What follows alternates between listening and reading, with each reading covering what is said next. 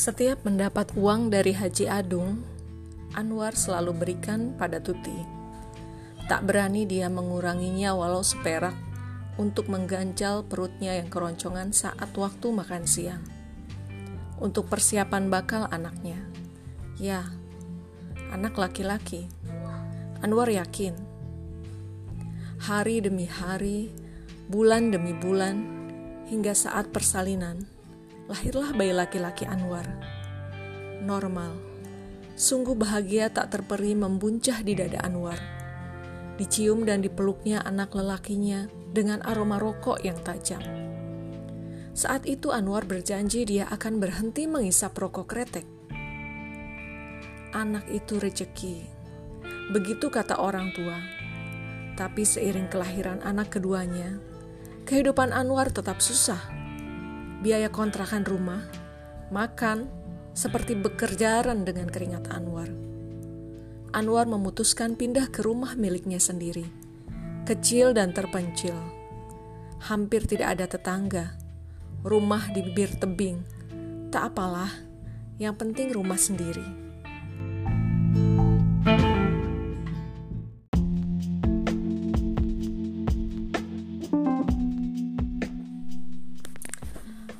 Bang, ayo makan. Tuti menyadarkan Anwar dari lamunan. Anwar mengikuti Tuti yang bergerak masuk ke dalam rumah. Esok harinya sekitar pukul 10 pagi, Diding bergegas menuju meja Anwar. Anwar, siap-siap, orang bang sebentar lagi ke sini. Anwar gelagapan. Dia selalu begini, tak dapat menutup rasa gugupnya jika bertemu dengan orang yang dia pikir mengenyam bangku sekolah lebih tinggi. Tenang saja, kan nanti ada aku, bisik Diding. Anwar mengangguk. Tak sampai 10 menit, deru mobil Avanza mendekati di toko material Anwar. Tiga orang, dua orang laki-laki dan satu perempuan. Pagi Pak Diding, Pak Anwar, maaf baru sempat ke sini. Padahal Pak Anwar sudah mengajukan permohonan pinjaman sejak dua minggu lalu. Tidak apa-apa Pak Andri. Pak Andri mungkin masih sibuk kemarin-kemarin. Ucap Diding fasih. Sementara Anwar keluh dan hanya bisa tersenyum. Ini adalah pertama kali Anwar berhubungan dengan orang bank. Sudah lama Pak Anwar usaha toko material ini? Tanya lelaki yang dipanggil Diding Pak Andri. Lumayan, jawab Anwar singkat, sambil merogoh sakunya mencari rokok kretek yang mendadak susah ditemukan.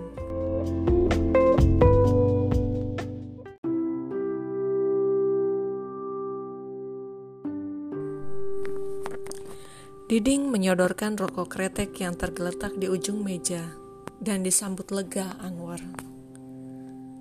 Berapa lama, Pak? Tanya Andri mengulang. Anwar ingat, dengan tepat dia memulai membuka usaha toko ini.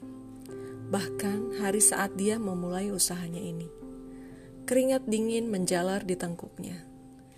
Diding menyodorkan kopi dan langsung diseruput Anwar. Delapan tahun. Oh, lumayan lama juga ya pak. Tapi hebat pak, stok barangnya saya lihat cukup komplit. Andri berkata sambil melihat ke dalam suasana toko.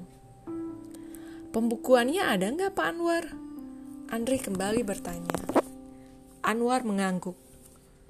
Andri menatap Diding, bertukar tatapan, seolah mengatakan, Kenapa Anwar tidak banyak bicara?